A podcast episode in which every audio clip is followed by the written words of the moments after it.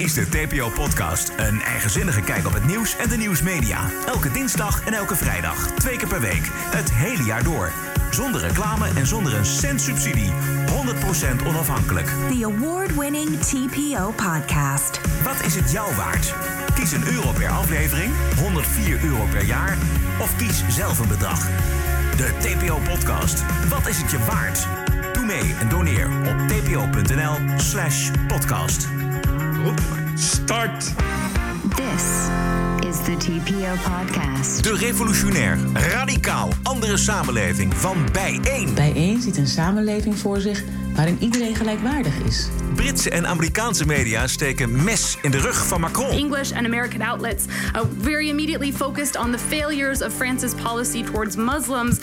En de bonusquote is van CNN-superster Christiana Alampour. This week, 82 years ago, Kristallnacht happened. After four years of a modern day assault on those same values by Donald Trump. Aflevering 202. Ranting and Reason. Bert Bresson, Roderick Phalo. This is the award-winning TPO podcast. Het is maandagavond 16 november. We hebben hem gehoord. Al eventjes met zijn bekende lach vanaf een nieuwe plek. Bert, where, where are you? Op La Palma. Ja. Hoe ging de verhuizing? Uh, gewoon verhuizen is echt leuk. Kan ik iedereen aanraden. Het is echt het leukste wat je kan doen in je leven. Eh, het is echt, eh, zeker hier, omdat, eh, ik, omdat ik in de Outback woonde. Dus er wilde nauwelijks een verhuizer komen. En eh, na heel lang zoeken komt er dan toch iemand. Eh, en dat kost dan heel veel geld. En nu moet ik nog wachten op mijn spullen. Want dat moet dan wel met de boot natuurlijk hierheen. Ja. Dus ik hoop dat deze week ook de spullen er weer zijn. Ja, maar je bent wel... Maar verder is verhuizen superleuk. Ja, precies.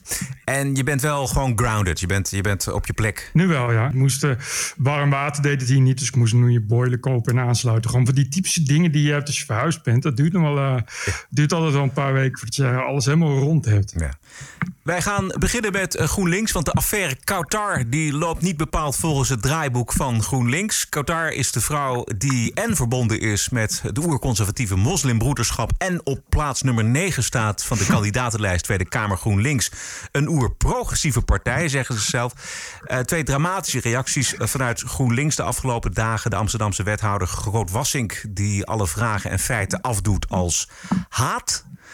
En partijleider Jesse Klaver die schrijft in een verklaring... precies twee dagen heeft Kautar Bouchalikt kunnen genieten van haar plek op de kandidatenlijst van GroenLinks. En daarna kwam de eerste aanval en het zal zeker niet de laatste zijn. Kortom, nul inhoud en Aanval. heel veel emotie. Ja. Aanval, dus, dus oké. Dus je constateert iets wat opvallend is. eh, wat kennelijk ja, min of meer verzwegen is. Maar toch echt het melden waard. En dan doe je als, als goed journalist, zeg je... hé, hey, kijk, dit en dit. En dan eh, zeg je, nee, nee, het is een aanval. Ja. Is- ik bedoel, maar is het niet waar dan? Ja, het is wel waar. Oké, maar dan, dan is het toch een goede feitelijke constatering. Nee, nee, nee, nee, het is een aanval. ja. Oké, maar volgens mij klopt het dus. Is er feitelijk constateren? Ja, nee, maar dat is haatverspreiden. Oké, oké, nee, oké. Dat zij denken dat het namelijk gaat om de aanval op deze Kautar. Maar wat GroenLinks maar niet doorheeft, is dat het helemaal niet om die mevrouw Kautar gaat en om haar hoofddoek en om haar werk met het moslimbroederschap. Maar waar het om gaat is dat GroenLinks deze oerconservatieve mevrouw van de politieke islam op plek 9 heeft gezet. Dus het gaat niemand om mevrouw Qatar, helemaal niet. Het gaat om dat GroenLinks een verklaring schuldig is waarom ze iemand die de politieke islam vertegenwoordigt op plek 9 zet van zo'n zichzelf progressief noemende GroenLinks-partij. Daar gaat het om. Ja, nou, het gaat erom dat, je, dat het, de moslimbroederschap op zijn minst omstreden is. En dat als je daar iemand op een hoge plek zet van een, van een lijst... die waarschijnlijk bij verkiezingen ook in de Kamer komt... dan is het toch op zijn minst belangrijk om daar eh, iets van te vinden. om het daarover te hebben.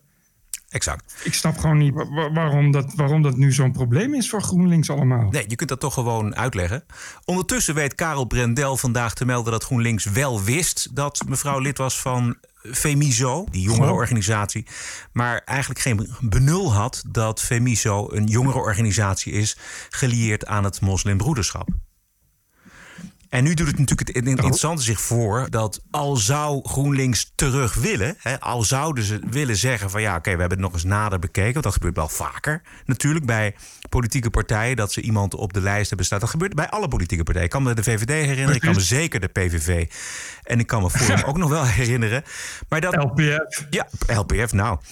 Dus dat kan, dat kan gebeuren dat er iemand tussen de regels doorheen slipt. Of dat iemand bijvoorbeeld iets niet heeft opgegeven wat hij wel had moeten opgeven of zij. Dan kun je alsnog terug. Maar omdat Grootwassink en GroenLinks leiding, de leiding, dus Jesse Klaver, zo hard inzet op ja, maar uh, dit is een aanval op deze mevrouw, et cetera. Ja, dan nu kunnen ze eigenlijk niet meer terug, of wel, denk jij? Uh, nou, dat wordt dus inderdaad heel lastig. Wat ze nu aan het doen zijn, is ook echt vlek op vlek wrijven. Dat je ook denkt van, uh, zeg, dan, zeg dan of zeg niks. Of zeg inderdaad van, we gaan dit nader bekijken. Uh, of dit klopt, maar dit begint inderdaad ja, ik weet het niet. Het is ook een beetje een schoolvoorbeeld van, van hoe je PR niet moet doen. Ja. Dit, iedereen weet dat je dit niet zo moet doen en toch gebeurt het gewoon weer. En dat is gewoon heel bizar. Die paniek die, die, die er dan ineens is van hoe moeten we dit nu... Uh, want daar, hè, dan noemen ze ook haat dus dan. En haat en, en een aanval. En zo zien ze het zelf ook echt. Dus je voelt dan ook hoe groot die paniek is. Weet je, ze proberen dat dan ook te pareren door, door ja, een beetje om zich heen te slaan en terug te slaan. En het werkt natuurlijk niet. Nee. Ik las, dat staat er op geen stijl, was niet de dochter ook van, uh, van een belangrijke ja.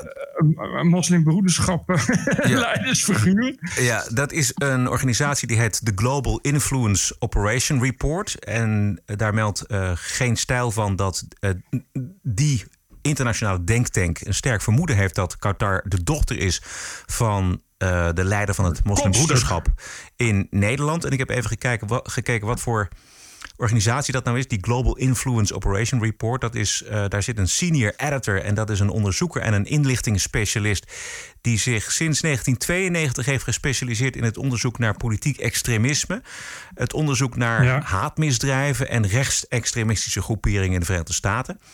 En zijn werk als onderzoeker bij de Wall Street Journal werd gebruikt in een serie van vijf artikelen voor die krant over de Europese moslimbroederschap. Dus dat is, ja, dat is echt wel een serieus iemand. En dat is ook niet een politiek gericht iemand. Weet je, dat is niet iemand die alleen maar uh, het moslimbroederschap of uh, moslimextremisme uh, onderzoekt, maar wel degelijk dus ook in andere richtingen kijkt. In, het in dit geval ook in richtingen van extreem rechts. Dus een onverdachte bron eigenlijk. Ja, en als het waar is, je kan niet zeggen, ja, maar goed, dat is alleen maar de dochter. Dus uh, daar, uh, dat betekent niet dat ze zelf er iets mee te maken heeft. Dat wordt natuurlijk wel heel moeilijk op die manier. Je kan moeilijk zeggen van, ja, vanaf het begin af aan is, uh, is mevrouw uh, Bouchalikit al omstreden, omdat ze gelieerd is aan een stichting die weer gelieerd is aan de moslimbroederschap. En als ze ook nog inderdaad de dochter blijkt te zijn van een kopstuk van de moslimbroederschap in Nederland. En dat zijn er denk ik niet zo heel veel kopstukken van de moslimbroederschap in Nederland. Dan kun je toch niet anders dan concluderen dat daar hoe dan ook enige invloed van, van uit zal gaan. Nee, precies. Uh, in, in haar politieke werk. Dat wordt natuurlijk wel heel lastig ontkennen dan. Exact. Uh, vandaag staat er in de Volkskrant een uh, column van Erdal Balci. En die uh, legt nog eens uit wat het moslimbroederschap precies is. En hoe ver die invloed reikt. Weet je wel, hij weet daar alles van natuurlijk. Uh, en als zij inderdaad de dochter is van het kopstuk hier in Nederland, dan is er voor haar, al zou ze willen, geen ontkomen aan, aan die oerconservatieve reactionaire uh, versie van de politieke islam. Exact, dat is het dus. Dat is ook iets van. Dat is die moslimbroederschap, die zijn altijd heel goed geweest in, uh, in PR.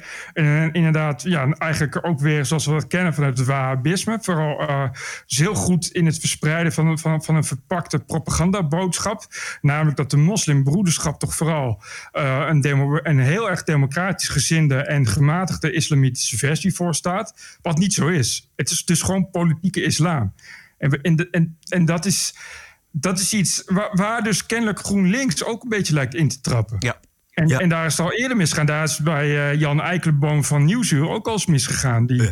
toch, toch even op bezoek ging bij wat aardige lieve moslims in moskeeën. Om te laten zien wat het gematigde geluid van de islam is. Maar de helft van die moskeeën bleek toch te worden gerund door moslimbroeders. Uh, en daar wordt dan toch weer gefaald in de research. En de reden is dat de hele tijd die kennis daarover ontbreekt. En dan krijg je dus, je hebt dus figuren als, als inderdaad Karel Bredel nodig. Uh, hoe heet die uh, van, van, de, van de NSC? Andreas, hoe heet die jonge jongen? Andreas Kouwenhoven? Andreas Kouwenhoven zit er ook heel goed in. Uh, Annabel Nandegaard zat er altijd heel goed in. Die nu, uh, nu politicus, maar die, die, toen, ze nog, toen ze nog schreef, toen ze nog publiceerde.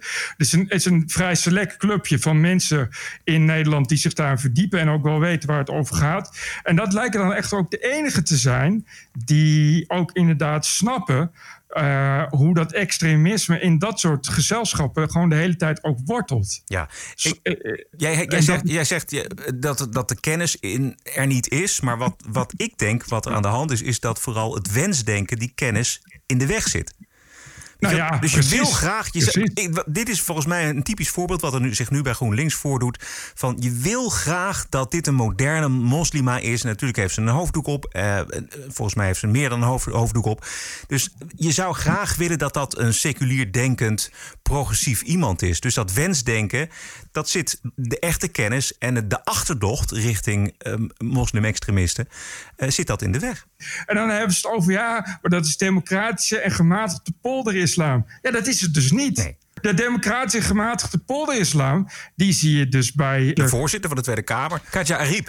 Iemand als Ariep is ook niet gelieerd aan allerlei moslimorganisaties. Nee, nee. Want dat, die, die heb je niet nodig. De enige reden om, om zo'n moslimorganisatie te hebben... is omdat er dan een onderdeel in zit van de islam... die kennelijk niet uitvoerbaar is binnen, binnen de democratische rechtsstaat.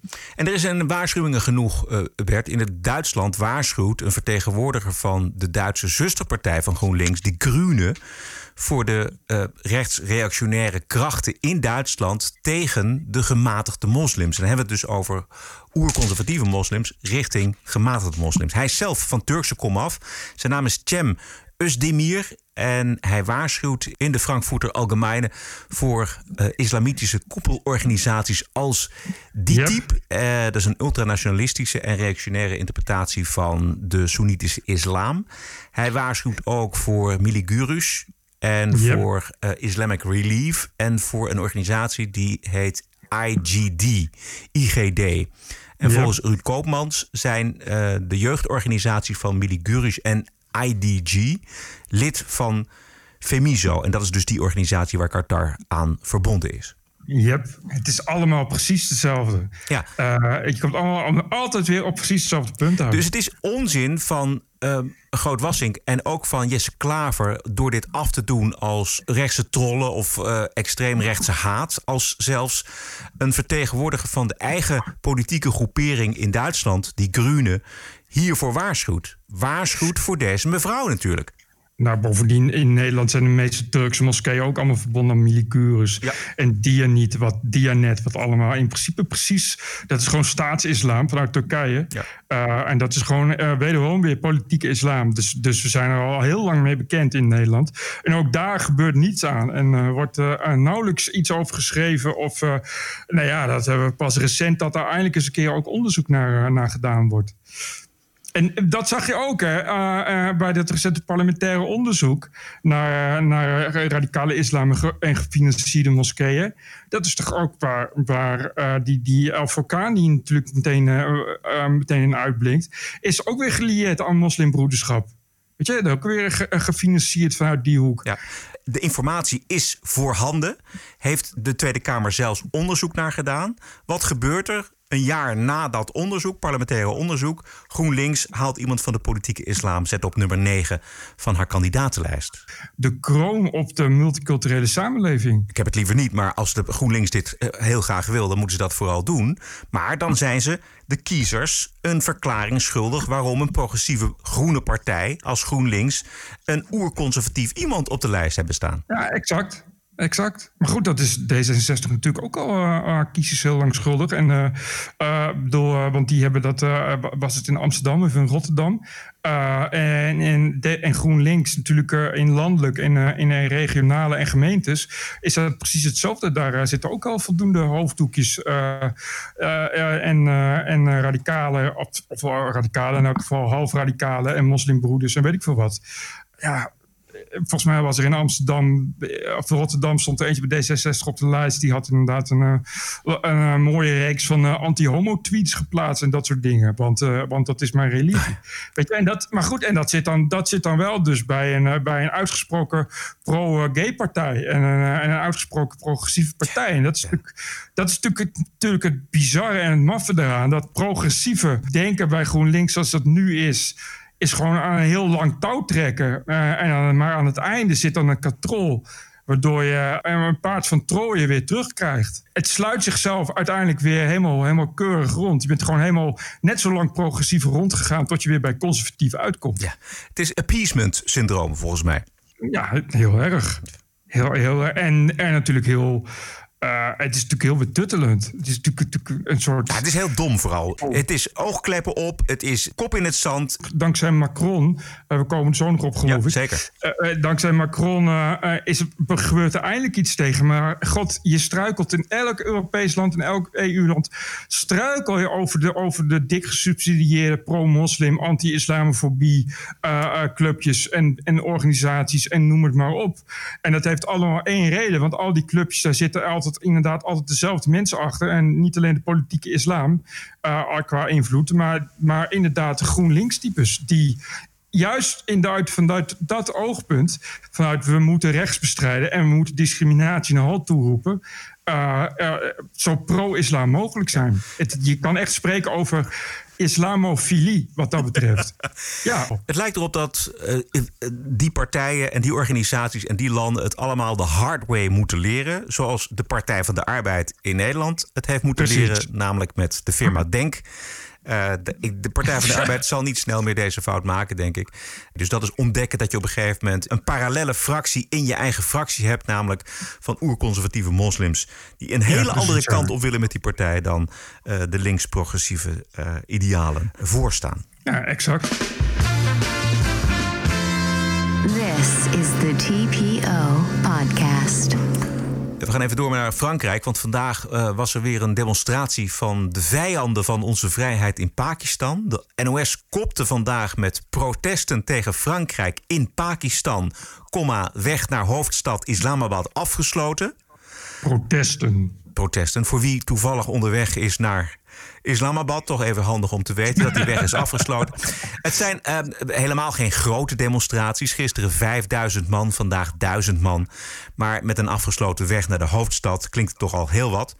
NOS vindt dat uh, hartstikke belangrijk. Macron is ook al gewaarschuwd door de New York Times en door de Washington Post en door Associated Press.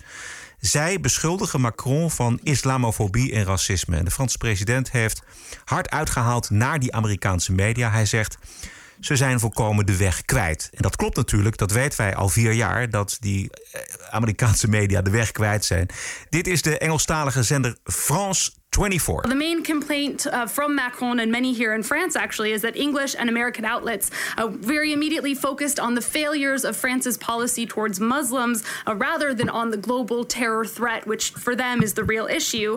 Uh, Macron argues again here that the foreign press has misunderstood French culture, notably the idea of laïcité or secularism. Uh, ben Smith, though, in this article largely defends the coverage. He writes uh, some of the coverage that has most offended the French has simply reflected the views of black and Muslim French people who don't see the world uh, the way that French elites uh, want them to.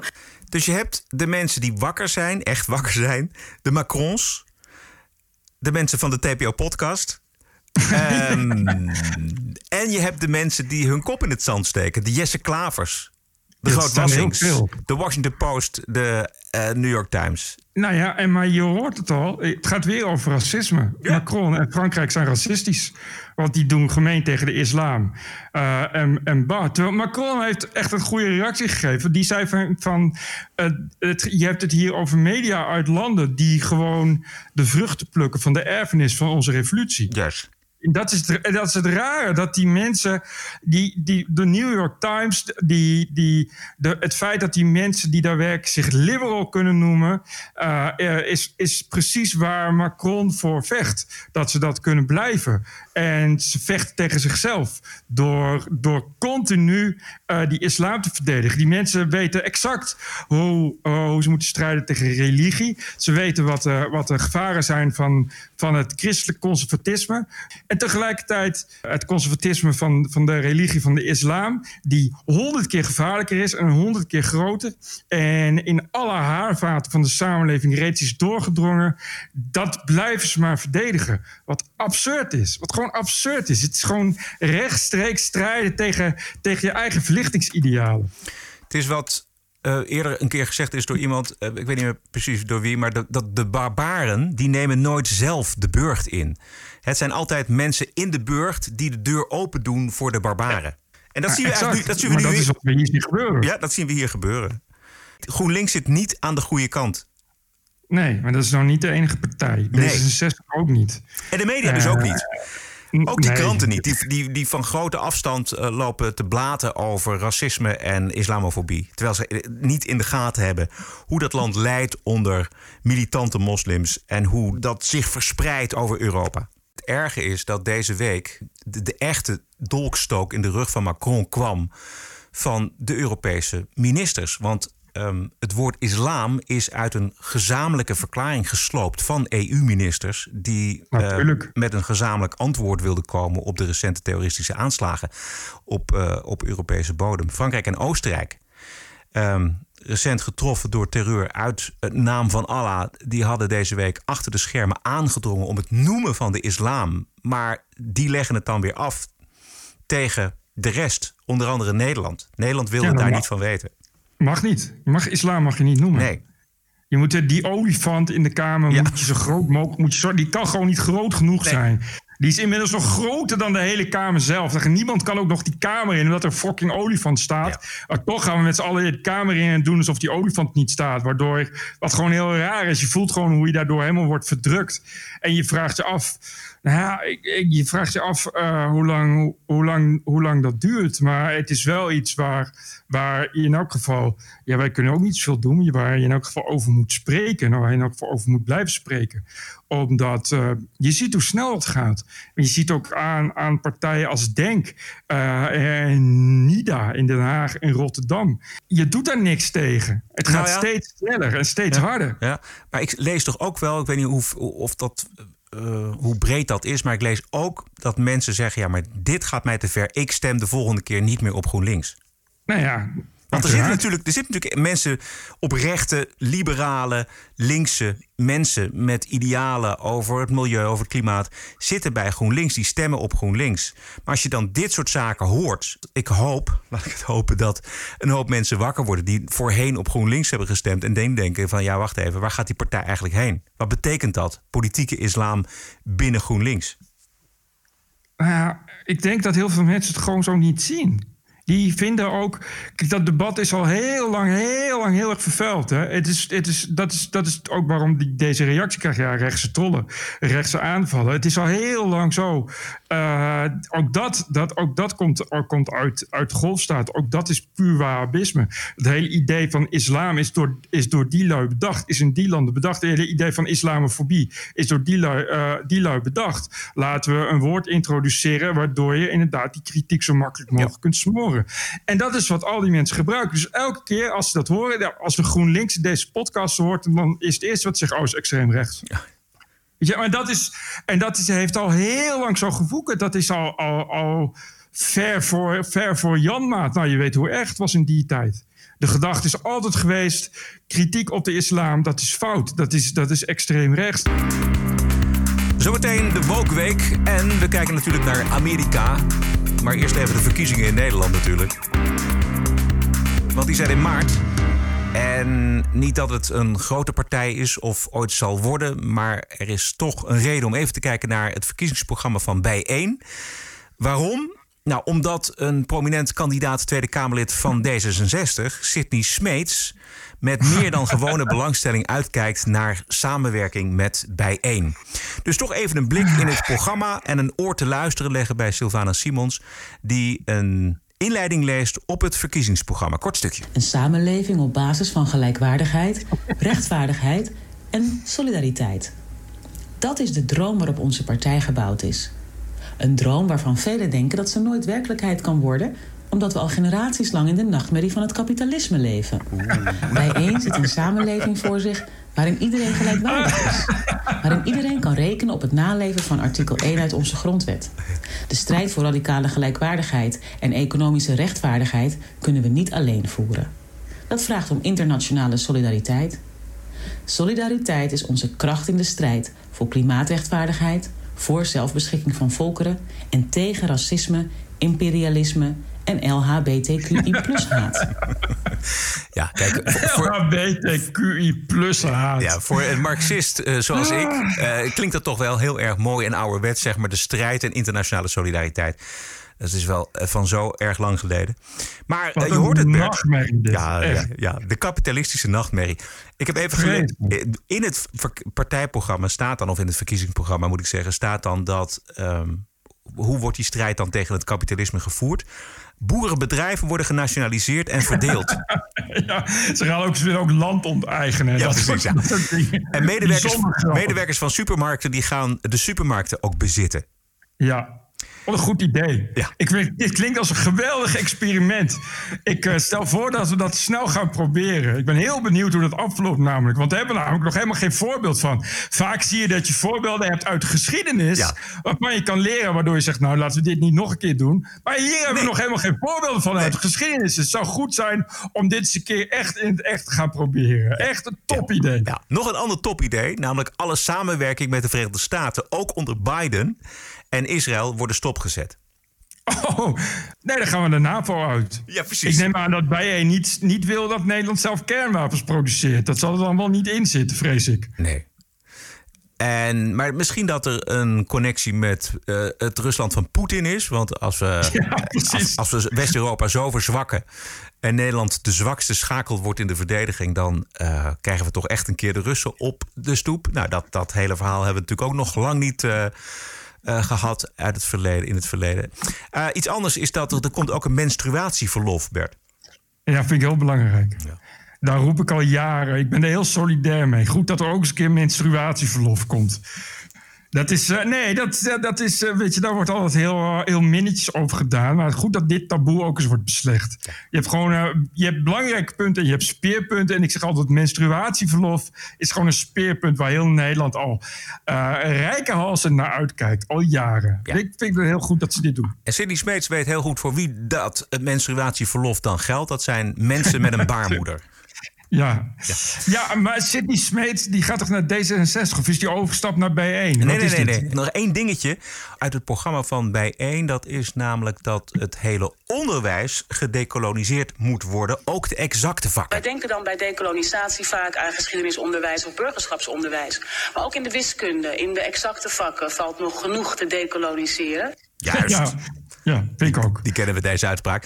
Gedaan in de Amsterdamse gemeenteraad. Ehm, ja, geweldige samenwerking zien wij eh, Ja. voor ons eigenlijk... tussen de opstellers van dit partijprogramma... en het nieuwe D66 onder ideologische aansturing van Sidney Smeets.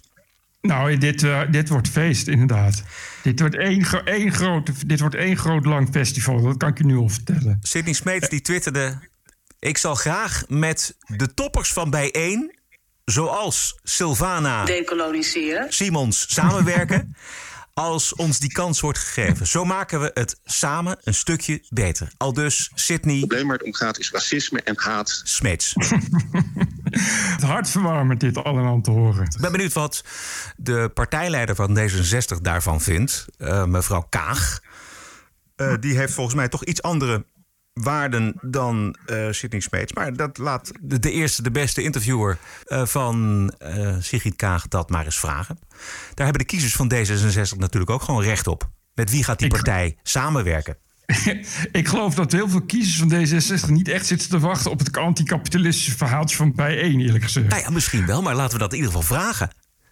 Uh, ja, maar ik weet niet. Dat is wel een misverstand van heel veel mensen. Dat, dat D66 is natuurlijk, heeft natuurlijk zichzelf uh, thematisch een beetje zo uitgebreid. In, inderdaad, in die, in die Sidney Smeets LGBT-hoek. Maar, maar economisch is het natuurlijk gewoon een keiharde liberale partij. De, de, de D66 wordt natuurlijk bevolkt door, door globalisten en, ja. uh, en andere lui die, die toch enorm dik tevreden zijn met hun gevulde beurs dankzij het neoliberalisme. Dus ik denk niet dat, die, dat heel veel leden bij D66 zitten te wachten op dat, op dat bijeengelul over, uh, over, het, uh, over het nationaliseren en nationaliseren van de HEMA en, uh, en het uitdelen van aandelen aan supermarktmedewerkers en het onteigenen van boerderijen. En zo. Maar ja, daar denkt Sidney Smeet dus heel anders over. Hij zegt: ja. Ik zal graag met de toppers van bijeen, zoals Sylvana Simon, samenwerken. Als ons die kans wordt gegeven. Dus hij, hij droomt nergens anders van dan, dan van dat.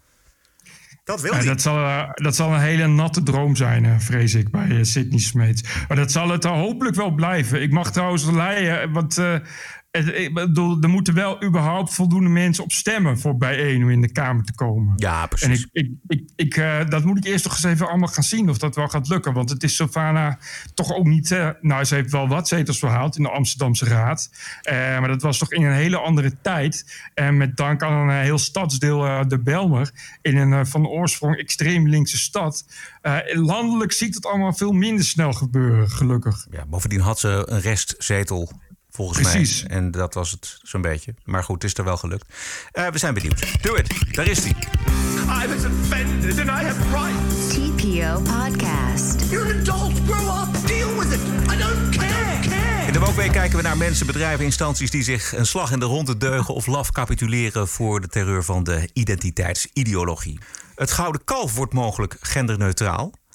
Wat? Ja, het Gouden Kalf, de Dutch Academy for Films en het Nederlands ja. Filmfestival die stellen voor om geen onderscheid te maken tussen acteurs en actrices bij de uitreiking van de belangrijkste filmprijs van het land. Het, och, het Gouden Kalf. Jezus. Ja, Heer Jezus. Och, och, och. Uh, het voorstel staat in een enquête die is rondgestuurd naar de honderden stemgerechtigden voor de Gouden Kalveren. En over een paar weken zullen we de antwoorden worden geëvalueerd. Maar we weten natuurlijk wel wat daar zo'n beetje uitkomt. Want er is niet zo fijn als stemmen voor een genderneutraal gouden kalf. Ach, hou op. Het is al, ik, dit, dit, ik, sowieso, de uitreiking van het Gouden Kalf is het ergste van het ergste. Als je het hebt over artistieke inteelt, dan moet je ja. vooral naar het filmfestival gaan. uh, ik ken uh, acteurs die liever helemaal nooit te maken willen hebben met welk Gouden Kalf dan ook. Omdat als je eenmaal een Gouden Kalf hebt gekregen, je meestal een jaar lang zonder opdrachten zit. Uh, wat weer weer te maken heeft met de jaloezie, kinderzinnen en, en nog, meer, nog meer inteelt. Maar dit is, ja, het is natuurlijk, dit is de Nederlandse elite. Een beetje wat je in de VS hebt met democraten. Heb je hier bij de mensen die aan de top staan van de, van de kunst- en cultuurwereld. En film daar is daarin het ergste. En dat zijn meestal de subsidiegevers. Dus dan krijg je filmfondstypes en dat soort lui. En die houden zich daarmee bezig. En dat is de crème de la crème van, van, van jezelf helemaal kapot deugen. Ja. Ik vind het nog laat, dat ze hier nog laat mee komen. Ja, is dat niet strafbaar? Dat je, dat, je dat, dat je daar te laat mee komt eigenlijk? Want we hebben dat Ja. natuurlijk in Hollywood al gezien. Met, en we hebben het in Groot-Brittannië al gezien. Ik vind het eigenlijk helemaal geen goede zaak van eh, het Nederlands Filmfonds... dat ze nu pas komen met een genderneutraal gouden kalf. Ja, ik heb ook helemaal eh, het, het manifest en de petities van eh, Halina Rijn en Claudia de Brij gemist Nee? hierover. in Polen. Ja? Dat, je zou toch denken, meestal is het dat er dan iets in Amerika gebeurt. Dat ze dat dan in Nederland ook willen, wat meestal een soort vlag op een modderschuitplant is. Omdat Amerika nou eenmaal niet Nederlands is, maar dat ze dit hebben laten liggen verbaast mij echt, eh, echt inderdaad enorm. Dit was toch wel echt een inkoppertje. Dat hadden ze inderdaad al heel lang geleden kunnen doen. Ja. Ander zaakje wat hier speelde in Amsterdam Zuid was dat er een vrouw een mooie naaktkalender had gemaakt. En die naaktkalender die werd opgehangen in Amsterdam Zuid. En daar waren de buren helemaal niet over eh, te spreken. Want eh, een beetje woke en een beetje progressief is niet voor naakt, maar is voor gekleed. Die naaktkalender wordt elk jaar gemaakt door uh, Lara Verheijden. Dat is een kunstenares die al, dan niet, al dan niet bekende mensen en onbekende mensen... inderdaad op kunstzinnige wijze naakt op een kalender zet. dat doet ze al heel lang. je zou denken dat dat toch wel heel erg cliché is. Want oei oei een naaktkalender. Maar grappig genoeg is er elk jaar weer hetzelfde gezeik over die kalender. Omdat er elk jaar weer wel iemand is die daar aanstoot aan neemt. Wat precies het punt is wat zij wil maken. Dat uh, naakt in de openbare ruimte op de een of andere manier, hoe progressief en vrij en, en vrijzinnig iedereen zich ook denkt te, wa te Op de een of andere manier, als je naakt in de openbare ruimte plaatst, dan wordt dat ineens heel snel een probleem. Ja. En dat is gewoon heel bizar. Dat is echt heel bizar. Ook omdat je die, die kalender, die foto's. Uh, ja, het is, het is echt naakt zoals naakt is. Ze doet vaak uh, ja, alledaagse dingen. Een vrouw op een fiets, maar dan naakt. Iemand in de trein, maar dan naakt. Maar met, met mondkapje, you name it. Weet je, het is niet porno naakt of erotisch naakt. Of in je face naakt. Het is gewoon naakt de naakte mens, zeg maar. Ja. Waarvan je denkt, iedereen heeft toch wel eens eigenlijk in zijn leven minimaal 30 keer hey, iemand zo naakt gezien. Maar elk jaar weer is het precies hetzelfde probleem. Is het toch weer oei, oei, oei, oei. En dat is heel raar. Dat is echt heel raar. Je zou denken dat dat ergens in 1970 wel ophield met, met, uh, met schok, geschokt te zijn over naakt. Maar het blijft elk jaar precies hetzelfde probleem te zijn. Uh, nog één dingetje van de Woke heb ik gevonden. Uh, Steve Bannon lijkt verwijderd van Spotify. Ja, dat klopt. Zijn, ik was heb, volgens mij ook al van, van YouTube verwijderd ja, en dat soort dingen. Ja. Hij heeft een show die heet uh, War Room Pandemic. En die is niet meer te vinden op Spotify. Uh, we weten hoe woke de medewerkers van zijn van Spotify. En die trekken Bannon natuurlijk niet. Even een heel klein stukje om even, gewoon even te proeven nog van een uitzending die op YouTube te vinden was. It's not about Donald Trump as a person. If they steal this election, they have basically thwarted the will of the people. In the in the greatest republic in mankind's history. If they can thwart the the the, the will of the people yeah. in this country. Yeah. That is how they try to break Brazil. That's how they yeah. try to break Italy. Bannon That's how they try to break the law dat Trump de verkiezingen verloren heeft. Dus, en zo gaat het gewoon een tijdje door. Hij heeft dan uh, drie andere mensen waar hij mee spreekt. Maar het mag niet meer van Spotify. Ik geloof dat hij uh, na, na, de recente verkiezingen ook zoiets zei van het is nu echt tijd om uh, met guillotines bezig te zijn en dat soort dingen. Uh, en wat je dan krijgt, dat natuurlijk dat het tegen de regels van die hostingpartijen ingaat. Ja. Kijk, die lui willen natuurlijk al heel lang van Bannon af. En die zien daar nu natuurlijk gewoon voldoende reden voor. Ja. Ik, ik mag geleiden dat die gewoon dan te gast is bij Joe Rogan straks. Ja. Op Spotify. Ja, dat zou een goede zijn, ja. Is het een beetje dom van Bannon dat hij, dan, dat hij dit dan doet? Wat moeten we daarvan vinden? Voor hem is het, is het natuurlijk wel weer een, een nieuwe reden om uh, nog meer massa te vergaren. En nog meer zijn boodschap te verkondigen. Maar als je, als je dan Spotify verliest als podium, toch niet? Nee, ja, het is natuurlijk heel kut. Alleen wat je krijgt is dat, dat kijk, de, degene die, die Bannon trouw, trouw volgen, die zijn ook allemaal boos op Spotify. Dus het heeft een zelfversterkend effect. Dus zijn podium wordt daardoor alleen maar weer groter. En nou ja, maar goed, het is natuurlijk, natuurlijk is het een verlies. Oké. Okay. We gaan uh, waarderen en doneren. This is the TPO podcast. Wil je donatie toelichten of heb je commentaar? Ons e-mailadres is info.tpo.nl. Ja, ik heb er vijf. We beginnen weer bij jullie blik. Waar oh. is jullie blik weer? Jullie blik wilde nog een keer extra mailen, want de vorige keer had ze niet zoveel te vertellen. Hi Bert en Roderick nadat jullie al aandacht schonken aan mijn donatie van 104 euro vorige keer, hier alsnog mijn waardering voor jullie verslavende podcast. Ik mis er geen één. Gefeliciteerd met 200 afleveringen en veel dank voor de groei naar twee keer per week uitzenden. Ik sluit me aan bij alle positieve waarderingen van andere luisteraars en, vroeg, en voeg graag toe dat jullie gegrinnik op de achtergrond bij clips, de steeds diepere zuchten van Roderick, het pak aan van Bert enzovoort enzovoort zo prettig zijn het broodnodige cynisme is niet van de lucht in de podcast. Ik denk de enige remedie tegen alle wokeness en andere ellende. Ja, ik probeer via retweets, delen in groeps, apps, aanbevelingen tijdens al dan niet verboden etentjes en feestjes jullie app aan de man te brengen. Maar het blijft een uitdaging om de andersdenkende mens zo ver te krijgen. Gewoon eens luisteren, want oh wee, oh wee. Gelukkig lukt het soms wel. Succes mannen. Jullie wordt uitgesproken als Julie, staat er ook nog bij. Oké, Julie. Julie, uh, dankjewel. Even kijken, Harmke van den Broek. Beste Bert en Roderick. Doneren heb ik al dit jaar gedaan in het voorjaar, 52 euro. Maar bij deze nog een kleine bijdrage van 20 euro voor jullie nieuwshow op vrijdag. Anyway, ga verder zo door. Ik snak altijd weer naar de volgende aflevering. Groetjes van Harmke van den Broek uit Rotterdam. Harmke, dankjewel. Juri, beste Bert en Roderick. Bij deze heb ik een kleine bijdrage van 25 euro overgemaakt naar jullie podcast. Die in mijn opinie broodnodig is in ons medialandschap. Na alle afleveringen te hebben beluisterd, verdienen jullie uiteraard meer bijdrages. Maar die komen wanneer ik eindelijk klaar ben met de studie en er meer geld binnenkomt. Over studie gesproken, een speciaal bedankje aan Roderick voor het meewerken aan mijn afstudeerdocumentaire. Het was interessant om je te spreken en het onafhankelijke geluid leverde goede content op. Ga zo door en geweldig dat jullie er nu twee keer in de week zijn. Groeten van Juri Koblenz. Juri, dankjewel. Ik vond het ook een succes. Carlo Straatsma, beste Bert en Roderick. Allereerst nog gefeliciteerd met jullie 200ste aflevering. In jullie woke-rubriek hoor ik regelmatig onderwerpen voorbij komen... waar ik vrienden en kennissen hard over hoor schreeuwen zonder echte argumenten. Dat ter discussie stellen leidt tot reacties van walging... of beschuldigingen tot racist, fascist en noem het allemaal maar op. Steeds vaker twijfel ik of ik moet lachen of huilen om deze ontwikkelingen. Want het lijkt wel of een alsmaar slinkend aantal mensen nog kritisch en feitelijk kan nadenken en discussiëren met elkaar. Ik merk dat ik zelf steeds minder energie heb om deze discussies nog aan te gaan. Omdat het is alsof je tegen een emotionele muur praat en ze het toch niet willen horen. Jullie podcast biedt de laatste jaren, naast de nodige lachsalvo's om Bert en Rens, dan ook elke week dit nuchtige en realistische geluid. Om hieraan een bijdrage te leveren wil ik al geruime tijd doneren en stel het telkens maar uit. Maar met de zorgbonus in zicht vond ik dat hiervan ook een deel naar jullie mocht gaan. En doneer ik 250 euro als dankbaarheid voor jullie humor, inzet en durf in deze wooktijden.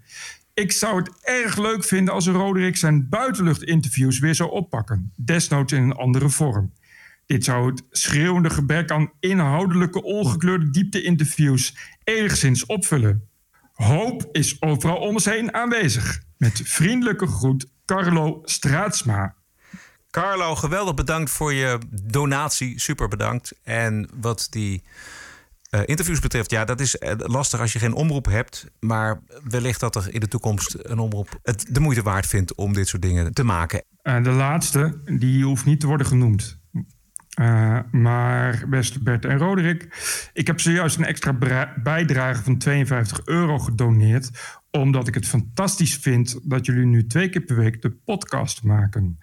Ik vond overigens de podcast met Jan Dijkgraaf en Bert Brus ook heel erg leuk. Complimenten daarvoor. Ik denk voor herhaling vatbaar zo'n één op één gesprek met interessante gasten. Ja, dat is in de toekomst gaat het gebeuren nu ik hier zit, ik heb toch, uh, nu heb ik toch tijd en ruimte. Succes met alles en ik hoop dat er nog veel donaties binnenkomen... zodat jullie volledig onafhankelijk podcast kunnen blijven maken. Groetjes van een vrouw die anoniem wil blijven. Hartelijk dank iedereen voor het doneren deze week. Dit is de TPO-podcast. Een eigenzinnige kijk op het nieuws en de nieuwsmedia. Elke dinsdag en elke vrijdag. Twee keer per week. Het hele jaar door. Zonder reclame en zonder een cent subsidie. 100% onafhankelijk. The award-winning TPO podcast. Wat is het jou waard? Kies een euro per aflevering, 104 euro per jaar of kies zelf een bedrag. De TPO-podcast. Wat is het je waard? Doe mee en doneer op tpo.nl/slash podcast. Hoe zou het staan met de staatsgreep? This is us. This is our country. This is CNN breaking news. I believe that the president is literally an existential threat. Yeah, yeah, Stop the hammering out there. Who's got a hammer? Make America great again. New York Times and CNN have also smeared veterans like myself. This video was taken during a heated exchange with an unidentified man who called Cuomo Fredo. Stop the hammering. This is the TPO podcast. News 630 WMAL, Washington. Trumps advocaat Rudy Giuliani die twitterde gisteren dat hij vandaag met groot nieuws zou komen. Hij schreef zoiets als: I have substantial evidence of fraud. Uh, en, en, en, ja, ja, ja. ja. Ik, ik, ik, ik, ik, ik, zie niks. Ik zal nog eventjes kijken voor de zekerheid. Hoe het mee staat uh, op de twitters. Nee. Ja, even kijken. Donald Trump, wat zegt hij? Onder bijna al zijn tweets komt nu... Zet, tweet, ja. zet Twitter... Disclaim about election fraud is disputed. Het is ook alleen maar we have won. hè. dat soort dingen. Oh, oh, oh, oh, oh. Ja, nee, het is natuurlijk vooral vooralsnog naweeën van een, eh, van een gekrenkt ego. Ja, precies. Eh, hij heeft er al een aantal keren blijk van gegeven dat hij op 20 januari het Witte Huis gaat verlaten. Als eh, eh, het onderzoek naar de verkiezingen eh, iets anders oplevert dan zoals het er nu naar uitziet, namelijk dat Biden de winnaar wordt. En dat hij misschien ook wel over vier jaar weer meedoet. Dat heeft hij zelfs ook wel gezegd. Dus Trump trekt zich heus wel weg. Ideally, we won't go to a lockdown. I will not go. This administration will not be going to a lockdown. Hopefully, the the uh, whatever happens in the future, who knows which administration will be? I guess time will tell. But uh, I can tell you, this administration will not go to a lockdown. Precies, dus hij houdt er gewoon rekening mee. Verder niks aan de hand. Hè? Hier denkt hij ook van, nou ja, het zal. eh, Hij kan het nog niet toegeven, maar wij weten natuurlijk al lang, Bert, eh, dat, dat dat gewoon helemaal geen enkel probleem wordt. En dat het onbegrijpelijk is dat die Amerikaanse media zo bezig is met het scenario dat Trump dat Witte Huis niet uit wil. En wat dan nog? Dat is echt een nieuw derangement syndroom, hè? Ja. Zijn ze eindelijk van Trump af, krijgen ze iets nieuws. Namelijk dat Trump niet het Witte Huis uit wil. Wa- Wat echt, wat echt, het is zo bizar. Het is bijna een complottheorie op zichzelf. Ja. Maar ja, dat is natuurlijk helemaal geen lekker verhaal dat hij gewoon opstapt. Dus eh, we houden de spanning er nog even in, denken ze ook bij het NOS-journaal. En nog even terug naar die speech van Trump gisteren. Daarin zei je dus dat hij niet weet wie er in januari regeert. Begint hij langzaam maar zeker toch in te binden? Nou, ik denk dat dat vooral een, eh, een verspreking van eh, de president was. Een verspreking. Hebben we nog iets vergeten, Bert? nee. Tijd voor de bonusquote. TPO Podcast. En de bonusquote die komt van CNN. Dit is ster-verslaggever en anker Christiana Amanpour. Welcome to the program, everyone. I'm Christiana Manpour in London. This week, 82 years ago, Kristallnacht happened. It was the Nazis' warning shot across the bow of our human civilization that led to genocide against a whole identity. And in that tower of burning books, it led to an attack on fact, knowledge, history, and truth. After four years of a modern day assault on those same values by Donald Trump, the Biden Harris team pledges a return to norms, including the Dus de kristalnacht, de boekverbranding van Joodse boeken, het molesteren van Joodse huizen, het gruwelijke startschot van de Jodenvervolging, resulterend in de Holocaust, legt mevrouw Amanpour op het bord van Donald Trump en een één op één vergelijking.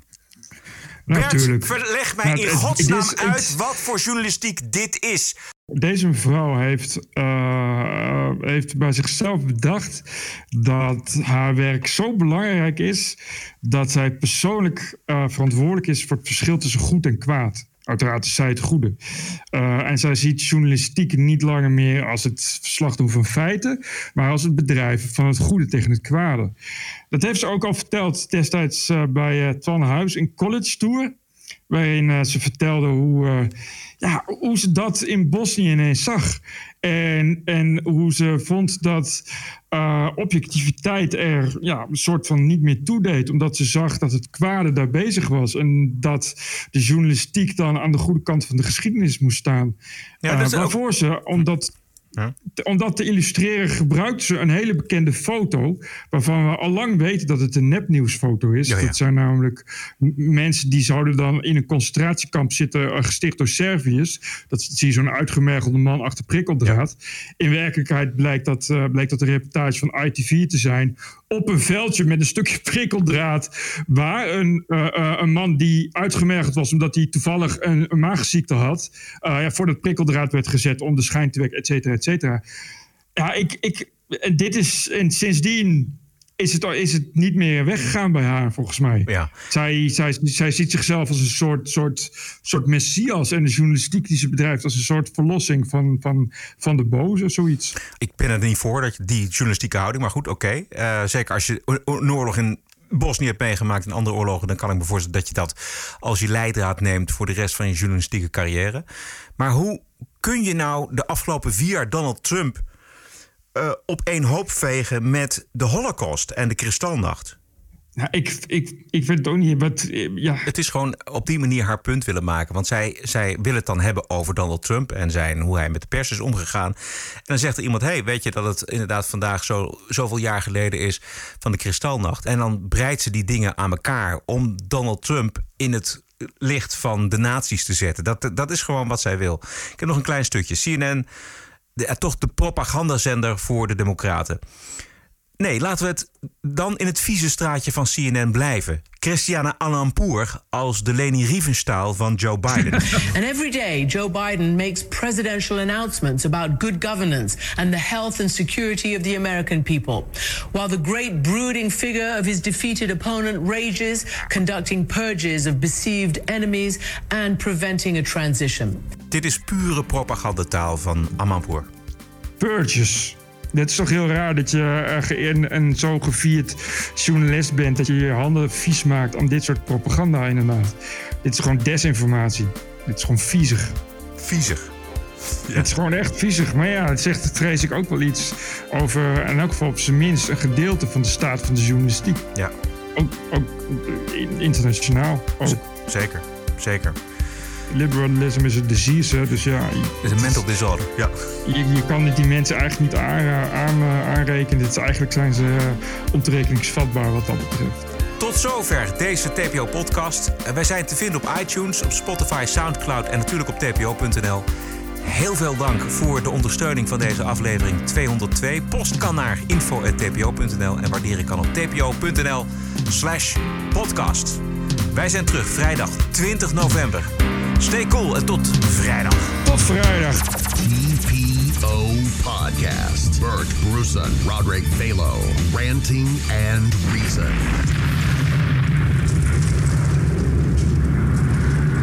You can't handle the truth.